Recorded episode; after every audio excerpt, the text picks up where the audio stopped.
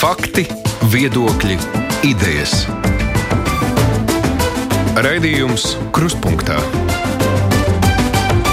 ar izpratni par būtisko. Studijā Mārija Ansone. Pandēmijā lielākā slodze ir veselības aprūpas darbiniekiem, īpaši tiem, kuri tieši strādā ar covid pacientiem. Tādēļ jautājums par mediķu algām, darba apstākļiem un motivāciju strādāt nu ir ieguvis jaunu svaru. Tomēr nemazāk būtisks jautājums ir par nozars darba organizāciju šajos apstākļos. Neapmierināta ar veselības ministra darbu, vairākas ārsta organizācijas viņam izteica neusticību, tajā skaitā arī Latvijas māsu asociācija. Šodien kruspunktā lielā intervija ar asociācijas viceprezidenti Ilzi Ortu Ortveinu. Labdien! Labdien! Premjeras nolēma, ka ministram tomēr ir jāstrādā, bet uh, vismaz māsu asociācija palika neapmierināta pēc šīs pēdējās sarunas. Kāpēc un uh, kas sekos? Nu, vispirms ļaujiet man sveikt visus jūsu rādio darbiniekus jubilejā. Paldies! Šodien ir svētku diena. Ilgu mūžu izturību, mums priekšā ir progress un jaunām iniciatīvām, kas jums jau ļoti labi padodas. Paldies! Jautājumu, kāpēc? Nu, kāpēc tas droši vien ir jāprasa premjerministram, ne mums? Jo no nu, mana personiskā viedokļa un no citu valstu pieredzes, kaut mazākais signāls uz ministra darba kvalitātes novērtējumu, tas ir demisijas izteikums. Tā ir goda lieta pateikt, es tā tad šeit esmu kļūdījies, es nedaru vairs šim amatam un demisionēt pašam. Tā ir goda lieta.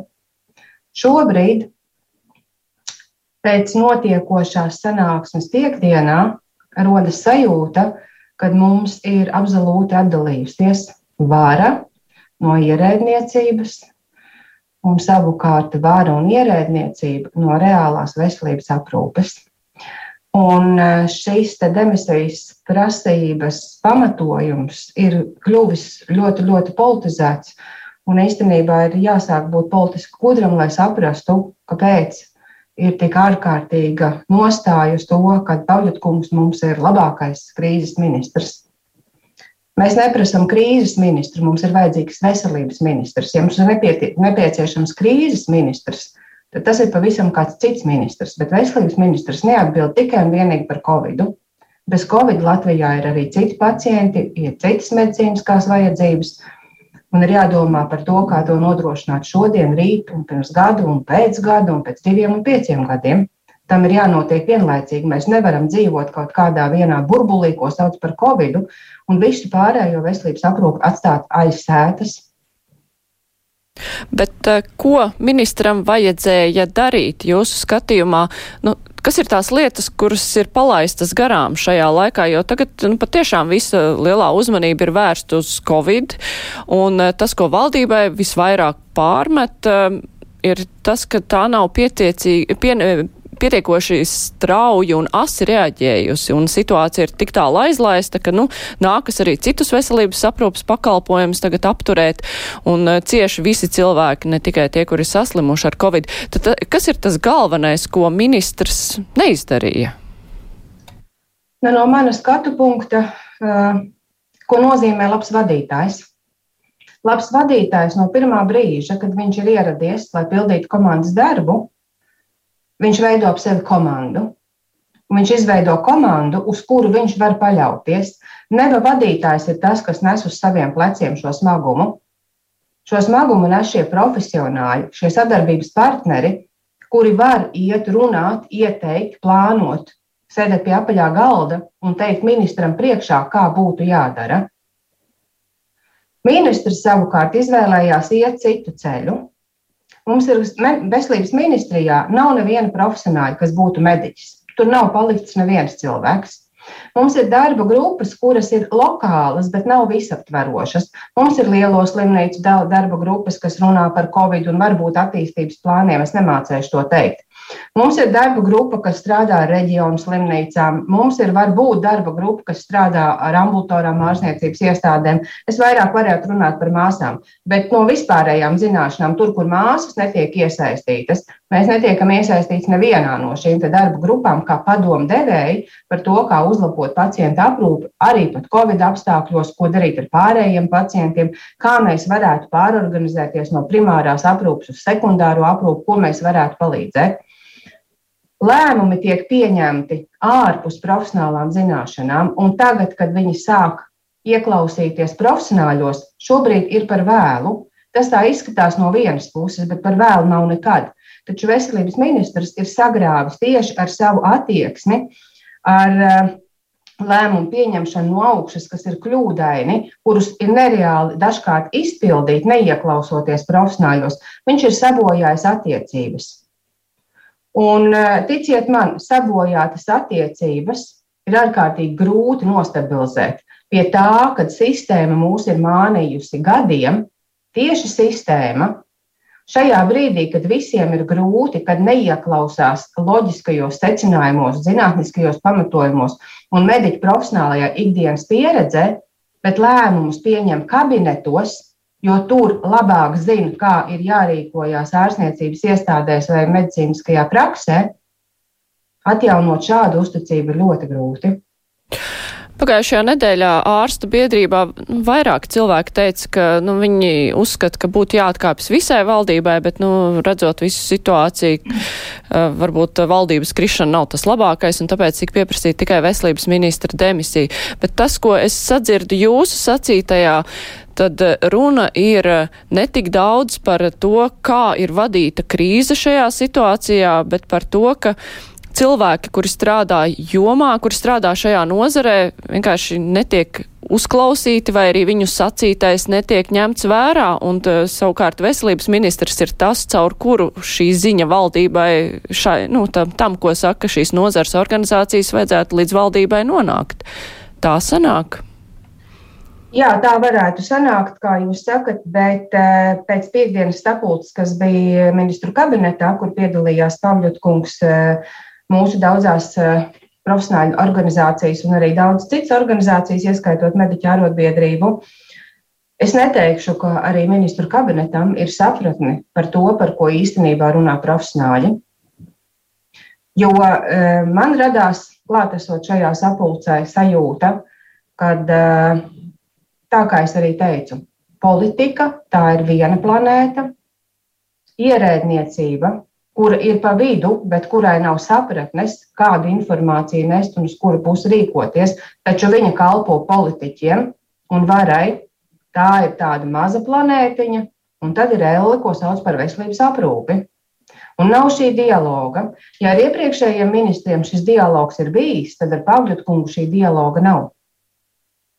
Jo mēs neesam tie, kurus viņš vēlētos dzirdēt, no kuriem viņš vēlētos veidot stratēģiju. Tas ir tas, ko es ļoti cenšos pateikt. Iespējams, ka man slikti sanāk, bet izmantot mūs kā resursu, lai mēs atbalstītu ministru tad, kad viņš iet, kaut ko pierāda, kaut ko lemj un kaut ko prasa. Tā nav šobrīd ir pilnīgi otrādi. Mēs apstrīdam to, kas tiek pielemts, mēs pamatojam, ka tā nav pareizi. Mums ir jāpierāda sistēmai, tas ir pilnīgi atgāns process. Vai problēma ir tajā, ka ministrs ir pārāk tāls no nozares, kuru viņš vada, jo viņam pirms tam nu, nebija sakari īsti ar veselības aprūpi? Es teiktu tā, ka uh, vadītājs nevienmēr var būt tās pašas nozares pārstāvs, ja viņš ir vadītājs. Un vadītājiem tādā gadījumā, ja viņš nav profesionāls, ir jāprot sapulcināt ap sevi šī zinošā komanda un jāprot viņai uzticēties. Šajā gadījumā es neredzu nevienu, ne otru. Tātad būtu jābūt kaut vienam no momentiem. Vai nu vadītājs profesionāls, vai nu vadītājs, kurš nav profesionāls, ar ļoti profesionālu komandu. Bet abos gadījumos ir jāstrādā kā vienotai komandai. Taču, ja nav iespējas, un neviens no ministrijas puses nenāk pie profesionāļiem un nesaka, jūs mums esat ļoti vajadzīgi, mēs neko šeit paši nesaprotam, bet mums visu laiku šai sistēmai ir kaut kas jāpierāda, un profesionālām organizācijām ir jāstrādā uz sistēmas nepilnībām. Tas nav profesionāla organizācija uzdevums. Katras profesionālās organizācijas virsmērķis ir uzlabot šādu savas jomas profesionāļu sniegto kvalitāti, centrētu uz pacientu vislabāko rezultātu. Bet mēs visu laiku esam spiesti kulties politiku. Nu, kaut kā tā mums sanāk. Nu, šobrīd arī tas rezultāts ir tāds, ka mēs esam nu, aizgājuši līdz politikai, jo nu, paskatoties uz to visu procesu kopumā, nu, mazliet jau izskatās, ka premjers arī ir atstājis veselības ministru vietā, saprotot, ka, nu, ja metīs nost ministru no vienas partijas, tad tur valdībā sāksies visādas jukas, un tā galu galā būs politika. Bet, Vai nu, jums ir kāda maza, uzti, jā, tāda ma neliela ticība, ka līdz vēlēšanām var iziet ārpus tā rāmja? Nu, ja man jāsaka tā, pat tad, ja mums būtu vai nebūtu ministrs, ticiet man, profesionāli, profesionāļi spēj strādāt arī apstākļos, kad mēs gaidām kādu ministru vai negaidām kādu ministru, vai labosies esošais ministrs vai nāks viņa vietā kāds cits.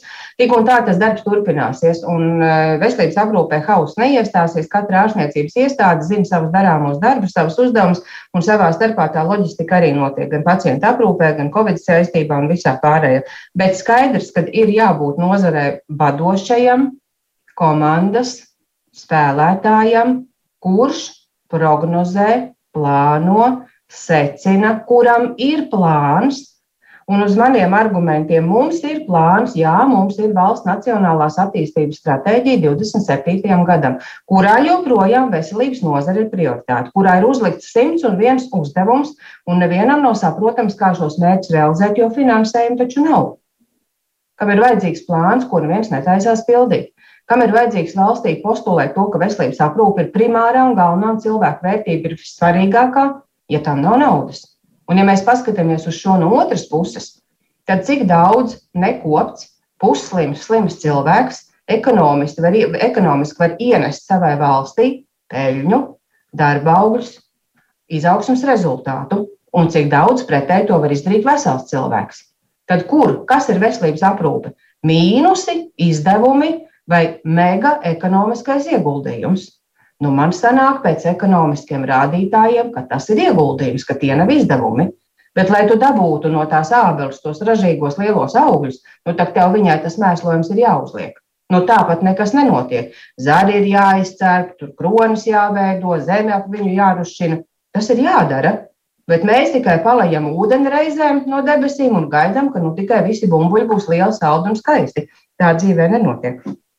Jā, par budžetu mēs arī runāsim mazliet vēlāk, mazliet vēl tomēr par valdības eh, nu, pēdējo nedēļu lēmumiem eh, šīs eh, Covid krīzes ierobežošanā. Mums tagad ir ārkārtas situācija, mums ir mājasēde līdz 15. novembrim.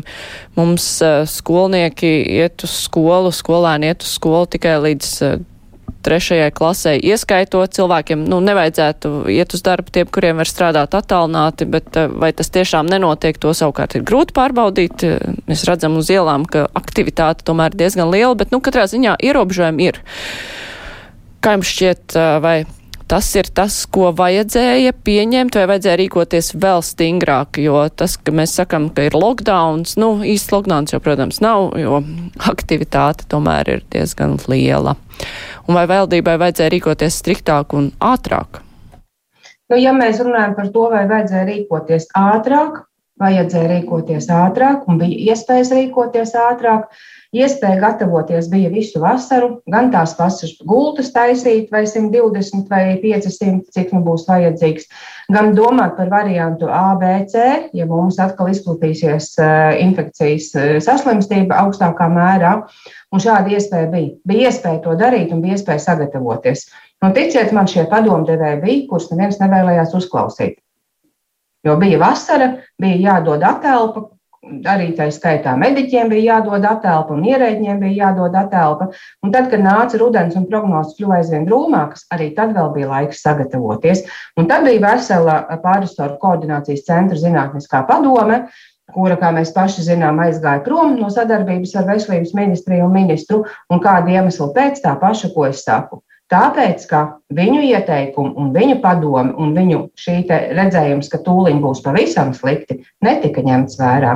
Tad kāda jēga ir no tā, ka mēs kaut ko darām par labu sabiedrībai, mūsu ierēdniecība to vienkārši neakceptē? Tad jautājums ir, kurš tad ir gudrāks šajā situācijā? Ierēģi kur nav profesionāļi, vai profesionāļi, kur nav ierēģi. Bet rezultātu mēs visiem redzam. Ja prasīsiet, vai mums ir pilnīgs lockdown, nē, mums nav pilnīgs lockdown. Ja prasīsiet, vai vajadzēja atkal eh, aiztaisīt ciet veikalā letes ar zeļbiksēm un, un apakšbiksēm, noteikti nē.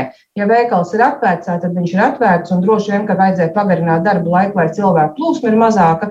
Bet ne man stāstīt par šādām stratēģijām, ne mans tas ir eh, mērķis un es esmu profesionāls šajā jomā. Grūti ir pateikt par bērniem. Jā, grūti ir pateikt par bērniem, jo bērni no skolas uz mājām var aiznest šo pašu covid infekciju, un no mājām uz skolu arī izdarīt to pašu. Un mēs zinām, ka ir daļa bērnu, kuriem nepienākās vēl pota, Arī tas ir tas, kas man ļoti biedē, jo katru reizi, kad es sūtīju arī pirms lockdown bērnu skolu, es domāju, vai viņi neaizejot uz skolu un aizsaslims ar covid, un vai neatnesīs mājās kādu otro vai trešo vilni. Mēs, protams, visi ģimeni esam potēti, atskaitot tikai vecumu grupu, kas to nevar izdarīt. Es domāju, ka šis brīdis, tajā brīdī, kad viss ir slikti un lai apturētu, vienkārši stabilizētu šo saslimstību ar vīrusu, uh, jā, lockdowns tā bija pareizā rīcība, jo tajā brīdī jau nedarbojās absolūti vairs nekas, un cilvēki ir noguruši. Viņi ir noguruši no pretrunīgās informācijas.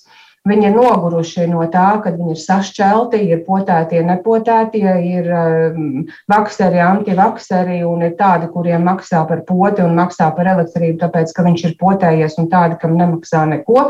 Vieni, kas var braukt ar sabiedrisko transportu un vieni, kas nevar, tā nav pareiza rīcība. Cilvēki ir noguruši no tā visa.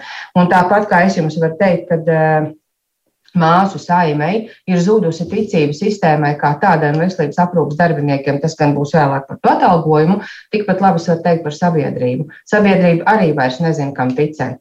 Jo ir skaidrs, ka tici vienā pusē, te jau saka vienu, tici otrā pusē, saka otru, un tieši tāpēc, ka nav šī dialoga starp valsts varu un medicīnas profesionāļiem šobrīd, mums nav arī ko sabiedrībai pateikt vienotā viedoklī, un tā nedrīkst būt.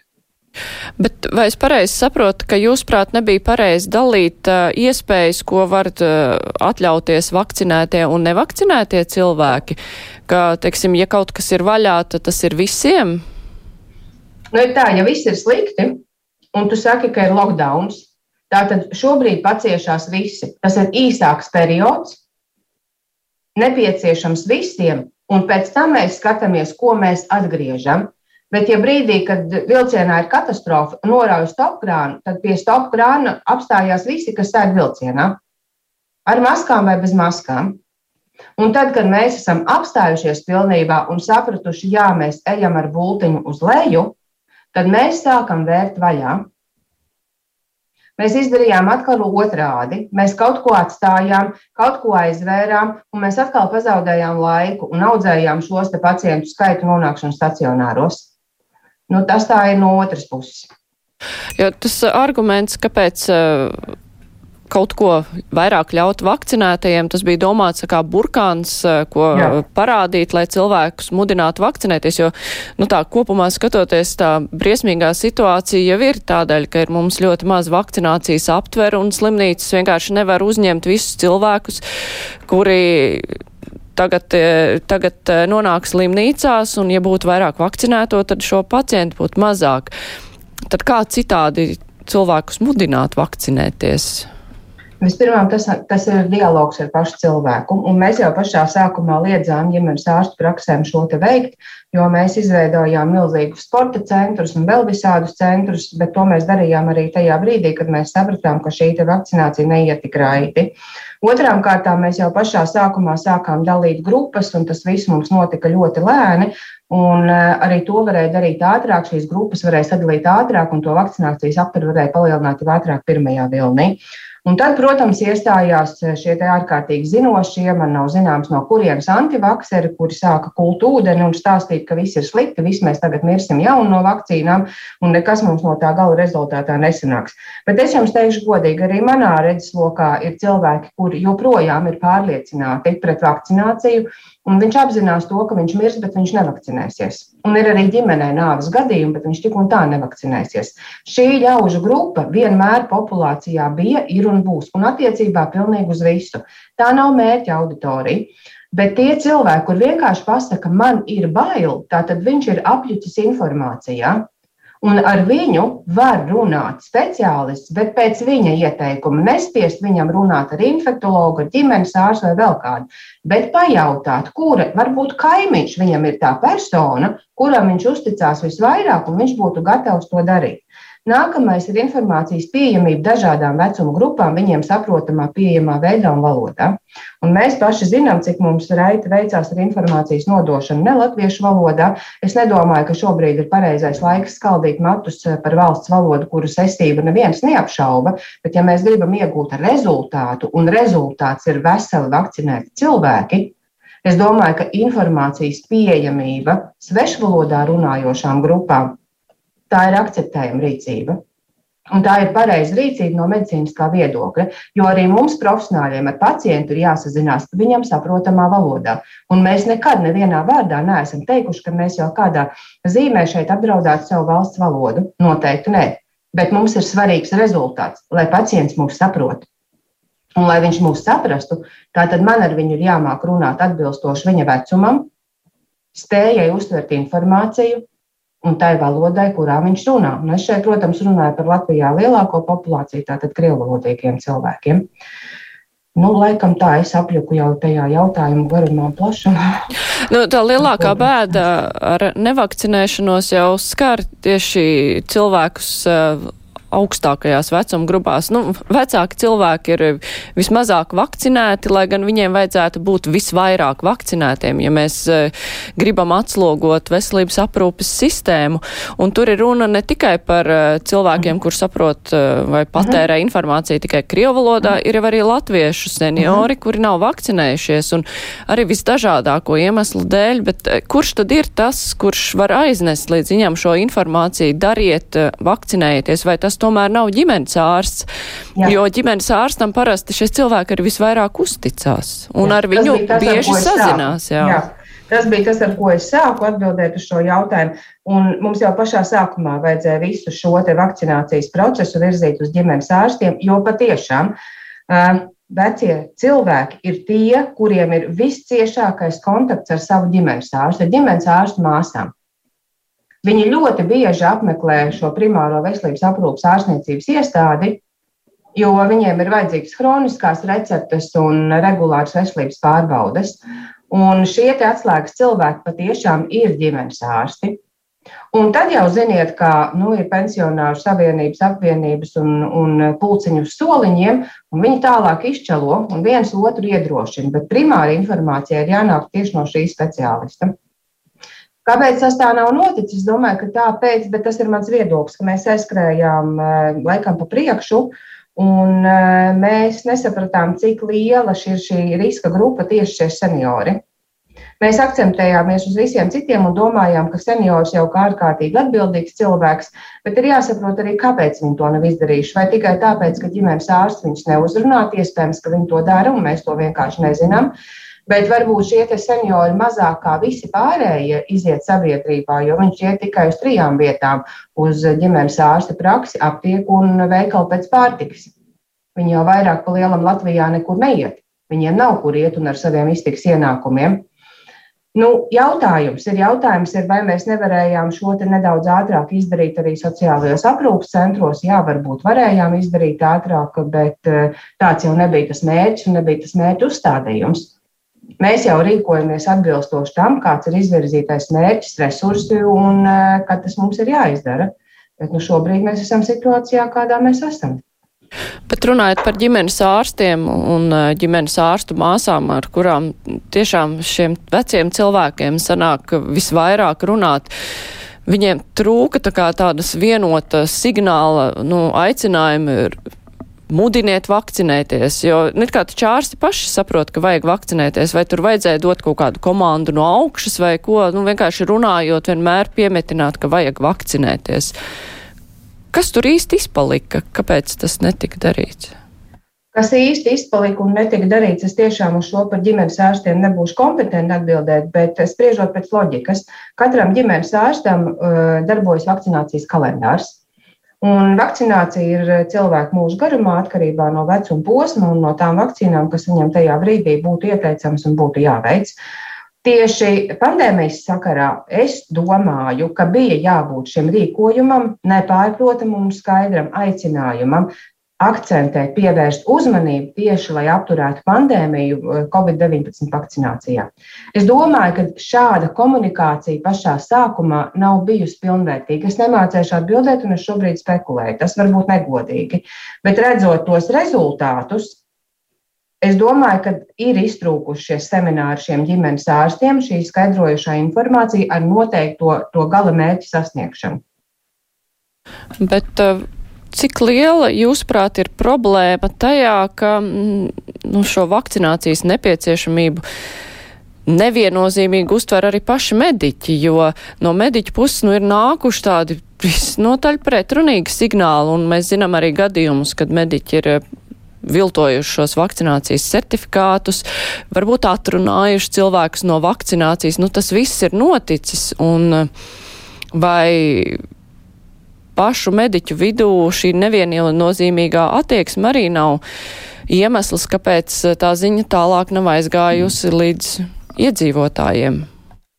Viennozīmīgi, absolūti jums noteikti tur ir taisnība, bet es teikšu vēlreiz, tātad, ja ir labs vadītājs, tad viņš šo te procesu, informācijas nodošanu saviem padotajiem, nu, mēs iesim tādā loģiskās sēdes, no nu, ķēdē uz leju, nodot pareizi, efektīvi, saprotami un zinātniski pamatoti. Es nevaru jums noteikti atbildēt par citiem mediķiem, kas ir ārpus es pati, un es varu tikai izteikt savu viedokli šajā jautājumā.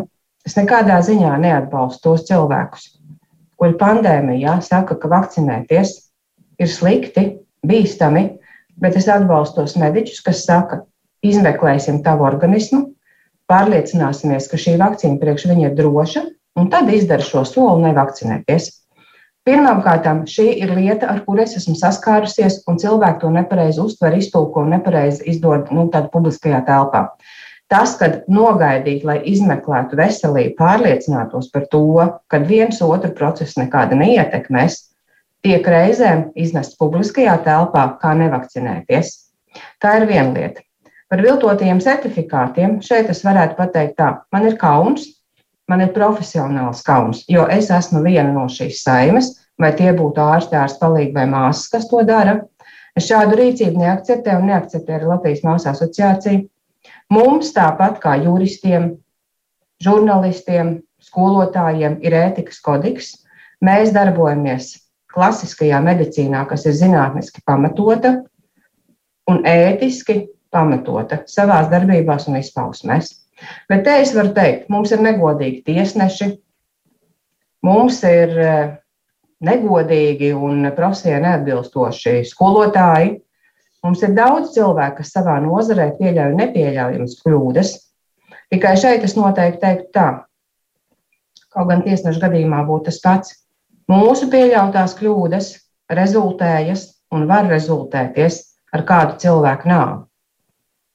Un tas mūs atšķir no citu nozaru darbiniekiem.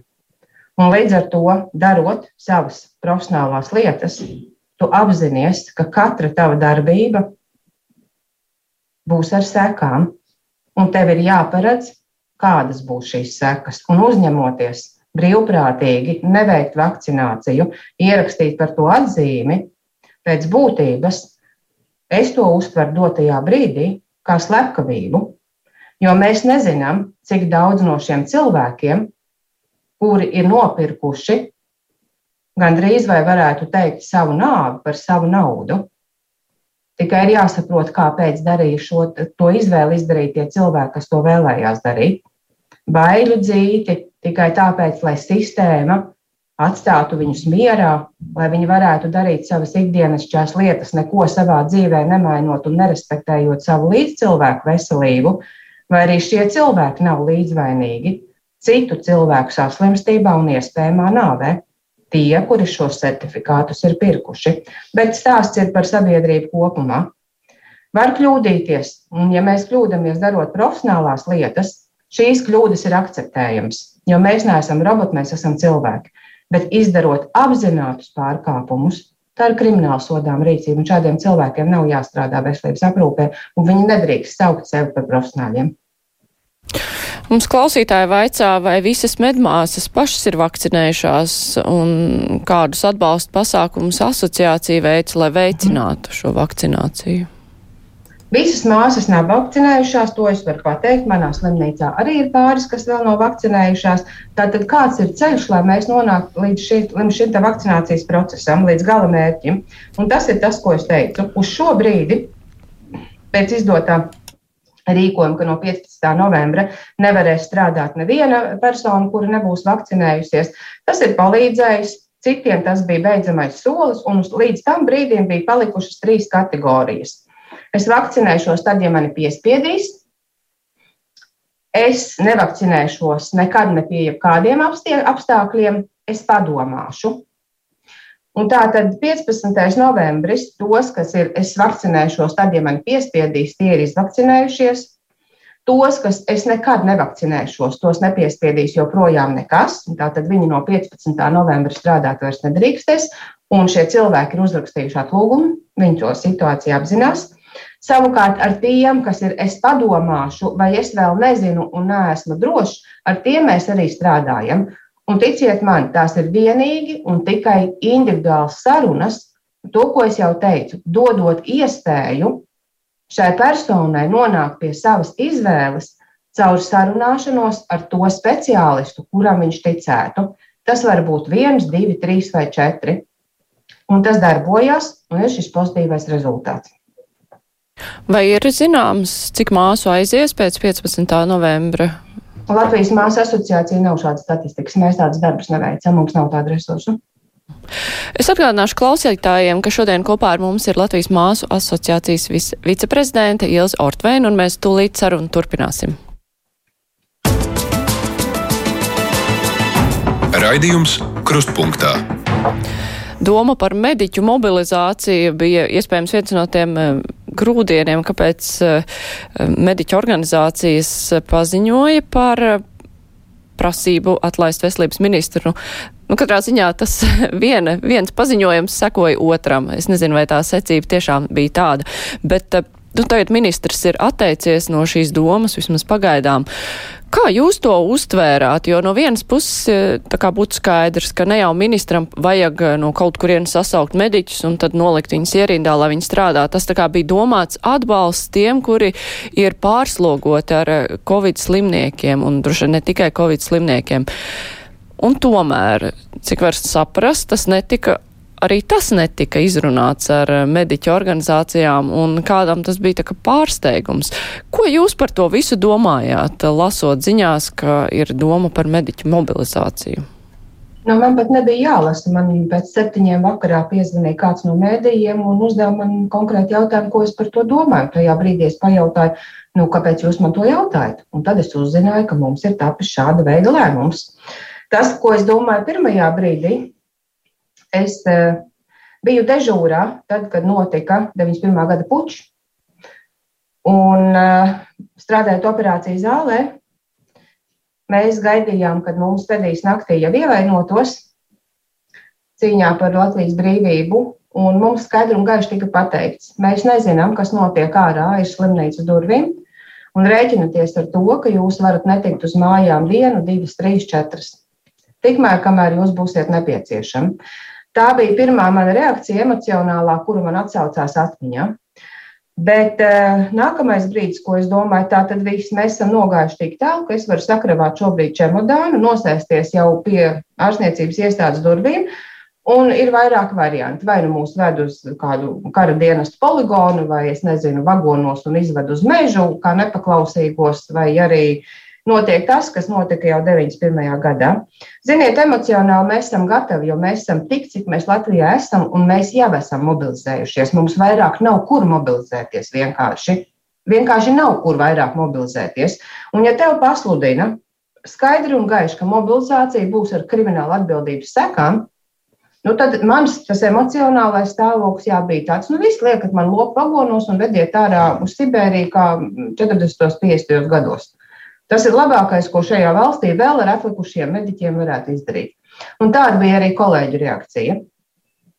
Nevis lūgums pēc palīdzības un atbalsta, nevis ko mēs varētu kopējā nozarē, uz kuru pusi vēl skatīties, ko mazināt, ko ierobežot, ko pārvirzīt, bet tas iznāca informatīvajā telpā tieši ar šādu emociju. Skaidra lieta, ar ko tas beidzās. Nu, kaut kā tā. Jā, bet, nu jā, bet cik lielā mērā nāk palīgā risināt visu šo krīzes situāciju, teiksim, privātais sektors? Mhm. Vai arī privātais sektors ir tik ļoti sajaucies ar valsts, ka tur nevar tā stingri nodalīt, jo lielākā daļa jau strādā gan tur, gan tur. Jo droši ir, nu, iespējams, ka runa bija par tiem mediķiem, kuri varbūt nestrādā šobrīd tajās smagākajās vietās, bet strādā, nu, nezinu, kādās privāta klīnikās, un varbūt slodze nav tik liela. Mm. Nu, redz, te jau arī ir tas, ko es saku. Tā ir šī plānošana. Un plānošana, piedodiet, pie apaļā galda, kur nāk kopā visi privāti, ambulatorie un stacionāri.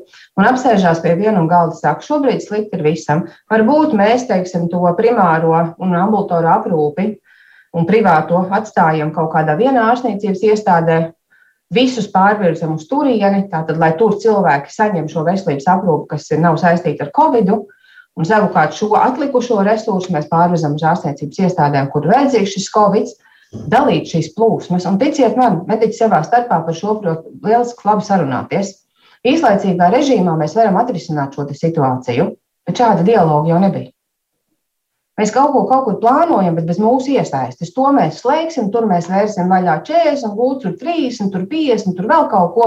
Gala rezultātā ministrija visu laiku kaut ko kaut kur slēdz, bet nepajautā mums, kā būtu labāk. Ir skaidrs, ka reģionos mums arī ir šī ambulatora aprūpe, un tur arī nevar atstāt pārējos cilvēkus bez aprūpes. Nevar aizslēgt ciet kaut kādas nodaļas, ja tur pēc perimetra tikai pēc 150, 200 km viņš saņem šo aprūpi. Ja viņam tur būs jābrauc, viss ir labi, lai ir skaidrs spēles noteikumi, lai ir skaidrs transports, kā es uz turieni nokļūšu, kad es uz turieni nokļūšu, kādas speciālistus man, speciālistus man tur garantēs.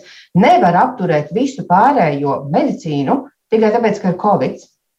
Tā ir ļoti smalka tāda filigrāna nots, kura ir eh, jāizprot eh, gan eh, veselības nozars ministram kā vadītājam, un viņam ir jāsaprot, to nevar izlemt koridorā, to nevar izlemt Nacionālais veselības dienas, to nevar izvērtēt veselības inspekcija un valsts sekretārs un ministrijas ierēģi. To var izdarīt tikai paši profesionāļi, un turklāt to nevar nomenedžēt arī tikai lielās ārstniecības iestādes. Veselības centri ir gatavi nākt pretī, Viņi ir gatavi iesaistīties. Mēs pat zinām, ka frizieri šobrīd ir gatavi iesaistīties, bet tas ir cits resurs, un te ir jāsaprot, kur mums ir vajadzīgs uzreiz ielikt kvalificētu resursu, kurš nav jāapmāca, un kurā nav jāiegulda šis līdzeklis, kur mums šobrīd nav, lai apmācītu, kurš var uzreiz startēt aprūpē un ārstniecībā, un savukārt, kurā vietā mēs dabūjam tos cilvēkus, kuriem ir nepieciešams apmācības laiks, un ko viņi var iemācīties, un ko mēs no viņiem varam sagaidīt. Nu, kaut kā tā. Un droši vien, ka neviena mobilizācija tāpat nespētu atrus, atrisināt cilvēku resursu trūkumu. Cik māsas ir, tik māsas oh. ir, cik ārstu ir, tik ārstu ir. Bet uh, pēdējos gados ir mēģināts uh, vismaz piešķirt naudu mediķu atalgojumu palielināšanai. Tas kaut cik ir uzlabojis situāciju. Līdz pagājušam gadam, jā, līdz šai gada vasarai, jā. Un tad, kad mēs sākām jau saprast, ka mums šajā gadā vairs neturpināsies sistēmas solītais, jo mēs knapi, knapi sistēmai bijām devuši šo uzticības stariņu, ka varbūt mēs saskatām, ka mēs varam ar šo sistēmu sastrādāties, jo viņa ir sapratusi problēmas dziļo būtību, tad viņa nav sapratusi. Un ar šādiem soļiem un ar šādām metodēm Nu, teiksim, pieņemsim, ja mēs palielinām šīs Covid pacientu gultas uz 1500, uz šodien ir vajadzīgs plus mīnus 1000 māsas. Ja mums 17. gadā bija vajadzīgs 3,5 tūkstoši māsas, tad jau pēc OECD 19. gada datiem tie ir 8000 māsas. Es īstenībā parasti, kad eju uh, publiskajā telpā, es saku, Latvijā, lai cilvēkiem būtu kvalitatīva veselības aprūpe, tātad māsas aprūpe, medicīniska māsas aprūpe, Latvijai pietrūkst 8000 māsas. Vai kāds man vēl var pateikt, Latvijā šobrīd nozara, kur trūkst tik daudz darba spēka? Un ja šim valsts var nerast līdzekļus, Un, ja neviens šobrīd nevar atbildēt un parādīt, kad ir izstrādāts cilvēku resursu attīstības plāns tieši, lai iegūtu šīs 8000 māsas, tad kādi argumenti vēl teiksim, mūsu biedrībai būtu jāliek priekšā? Kā vēl būtu jāpaskaidro? Man liekas, ka šis skaitlis runā nu, ārkārtīgi skaļi pats par sevi. Viņš vienkārši katram cilvēkam aiz muguras spēja izprast šo situāciju un padomāt, ja es nonākšu slimnīcā, ja es nonākšu kādā no citiem veselības centriem, kurš mani medicīniski aprūpēs.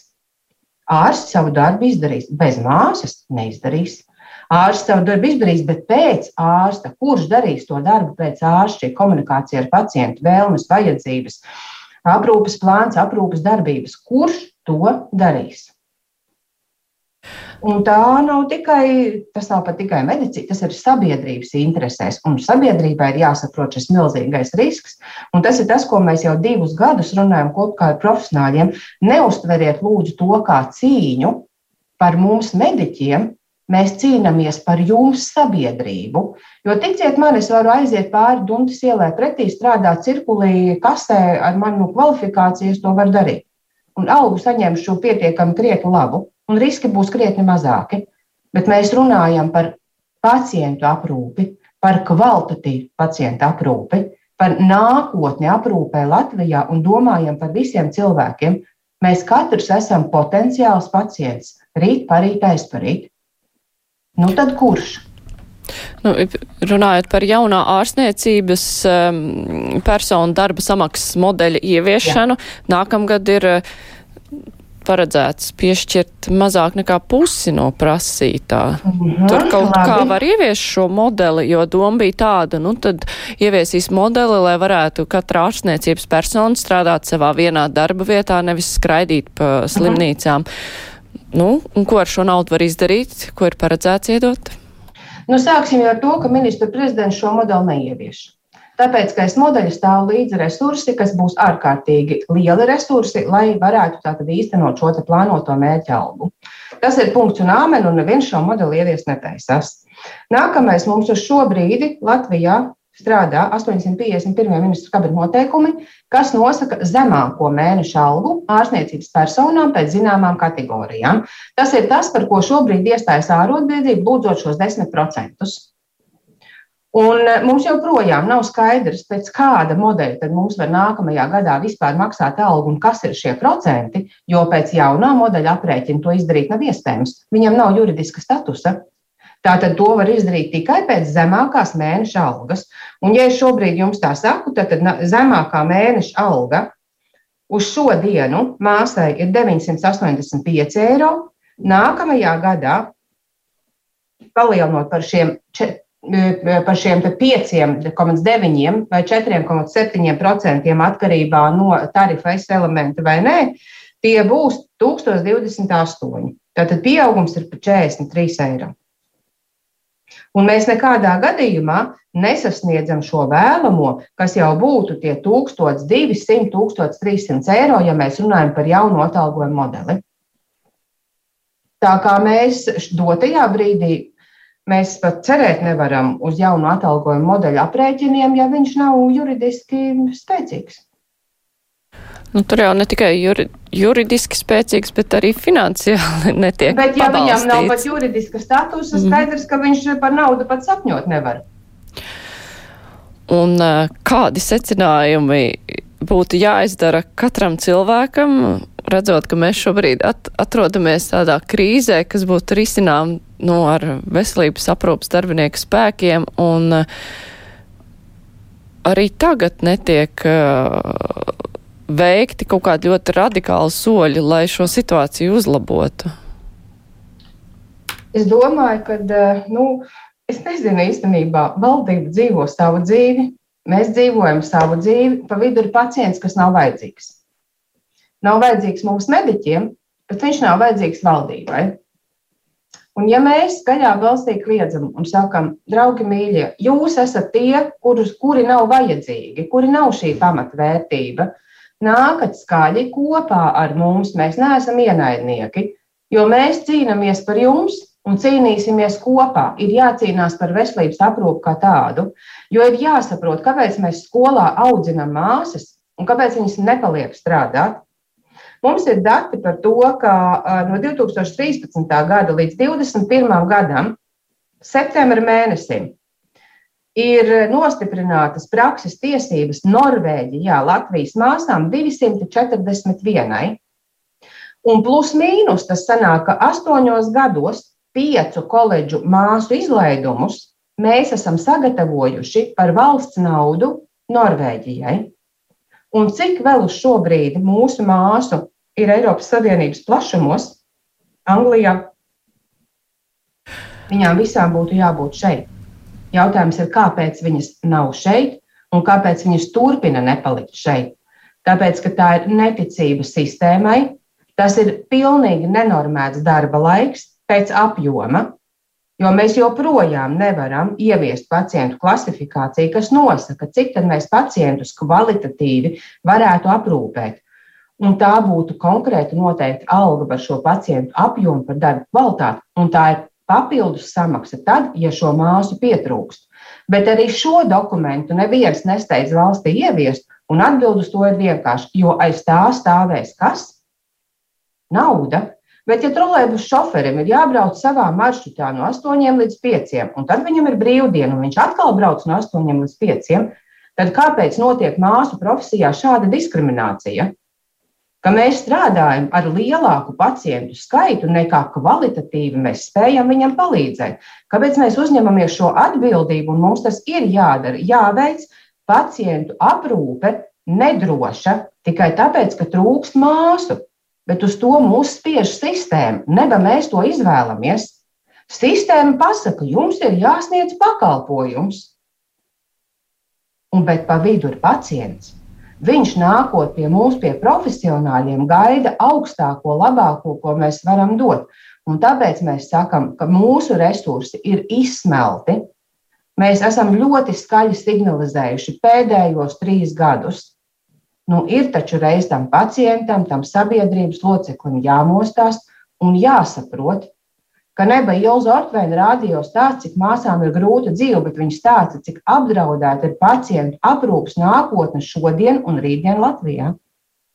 Un tā ir katra mūsu atbildība, ne tikai manējā, bet katra pilsoņa atbildība un katra Latvijas iedzīvotāja atbildība. Atvērt acis, paskatīties realitātē, pieņemt lēmumu, uzdrīkstēties un nākt kopā ar mums cīnīties pašiem par sevi, jo cits neviens necīnīsies. Bet tad um, nu, māsu vidējais vecums Latvijā ir 48 gadi. Es tādus datus lasīju. Jā, paskatieties uz mani, un tāda ir vidējā vecuma māsa precīzi.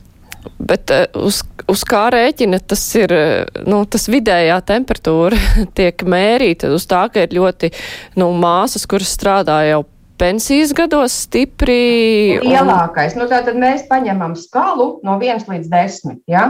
Tātad mums ir 1, 2, klāt nākamās māsas, tad mums ir trīs. Tās, kas ir nu, tādas ap gadi 30, un tad nāk 4, 5, 6, 7, 48 gadi. Tad nāk jau 8, tās, kas ir 50, 60, tad jau nāk 9, tās, kas ir 60, 70, piedodiet, 10, nāk arī tās, kurām ir 80. Arī tā ir dzīvā realitāte Latvijā. Nu, tā ir tā vidējā temperatūra. Tas ir lielākais, lielākais māsu skaits šajā vecuma grupā. Ja nu slimnīcās strādājot, tas darbs jau ir pārāk smags, lai to veiktu pārāk ilgi. Jā, un e, tas ir tie, tie riski, par kuriem mēs visu laiku sakām, mēs neesam roboti. Mēs šādi strādājam desmit gadus vairāk. Vienkārši cilvēku mīļai ir jāsaprot, ka katram cilvēkam ir šie iekšējie emocionālie un fiziskie resursi. Un jo tu ilgāk strādā augstas spriedzes apstākļos un veicot daudz lielāku darba apjomu, jo lielāks risks tev ir kļūdīties, kļūt slimam pašam. Tātad nu, izturēties, varbūt piedošanu pat nelaipni un asti un uztvert pacientu nevis kā savu līdzcilvēku, kuram tevi vajag un tu vēlies palīdzēt, bet kā kārtējo darba dienas objektu. Tā ir realitāte, kur izriet nevis no tā, ka māsas nav audzinātas, dumjas vai nepieklājīgas, Tā ir realitāte no darba apjoma, jo viņa saistās ar to, ka māsa joprojām grib pēc vislabākās sirdsapziņas katru no šiem sev esošajiem pacientiem aprūpēt, cik viņa labi var, un viņa to nevar.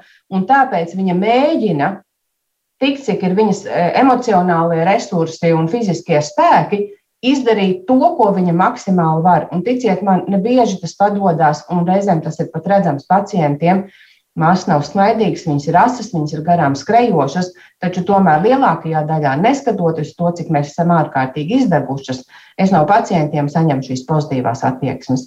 Viņi augstu novērtē tieši to, jo māsai ar pacientu ir visciešākais kontakts. Un mēs ļoti cenšamies šo kontaktu uzturēt, nezaudēt un uh, būt saiknē ar savu pacientu. Jo tikai tad, ja mēs viņu izzinām un pacients atverās, mēs panākam viņa līdzestību, viņa veselības uzlabošanā un iesaisti viņa lēmumu pieņemšanā. Cita ceļa nav. Jūs minējāt, ka reāli Latvijā pietrūkst 8000 māsu. Nu, ja mēs tā mēģinam piemēroties OECD valstu nu, tam, tam līmenim, bet ja mēs runājam par vakancēm, cik ir gatavas ārstniecības iestādes ņemt, ja būtu ko ņemt?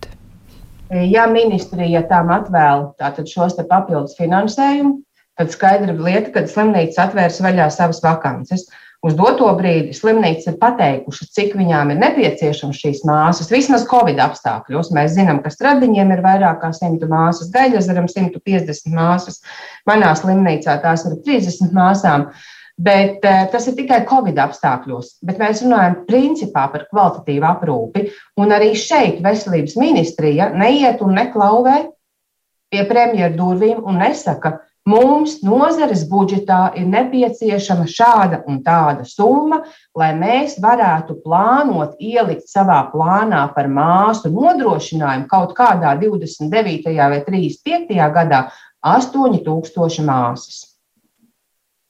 Tā ir tie papildus izdevumi, tā ir ļoti liela nauda. Nu, jautājums ir, vai man, vai tomēr valdības pārstāvjiem un veselības ministrijai ir jābūt plānam, sedzamam. Jā, nu katrā ziņā ir daudz cilvēki, kuri mums raksta vēstules un izsaka atbalstu. Jums, jūsu organizācijai ir pat idejas, ka jūs varētu iet par veselības ministru. Bet droši vien, ka veselības aprūpas sistēma būtu ieguvēja, ja jūs paliksit uh, savā vietā un strādāsit savu darbu. Katrā ziņā es saku paldies jums, gan ka varējāt piedalīties uh, mūsu sarunā, un paldies arī par jūsu darbu, ko darāt uh, ārpus šīs intervijas. Klausītājiem atgādināšu, ka šodien Mums, eh, mūsu saruna bija ar Latvijas māsu asociācijas viceprezidentu Ilzu Ortvēnu. Paldies! Un eh, vēl pieminēšu par rītdienas kruspunktā raidījumu. Mēs runāsim par veselības aprūpes budžetu, par prioritātēm, kādas ir paredzējusi nākamā gada budžetā veselības ministrija un Nu jā, kāds varētu šis budžets izskatīties nākamgad. Bet raidījums ar to arī izskan. Producenti ir Evi Junāma, studijā bija Māra Jansone. Visu labu, un mēs tiksimies arī rītdienas raidījumā. Visu labu!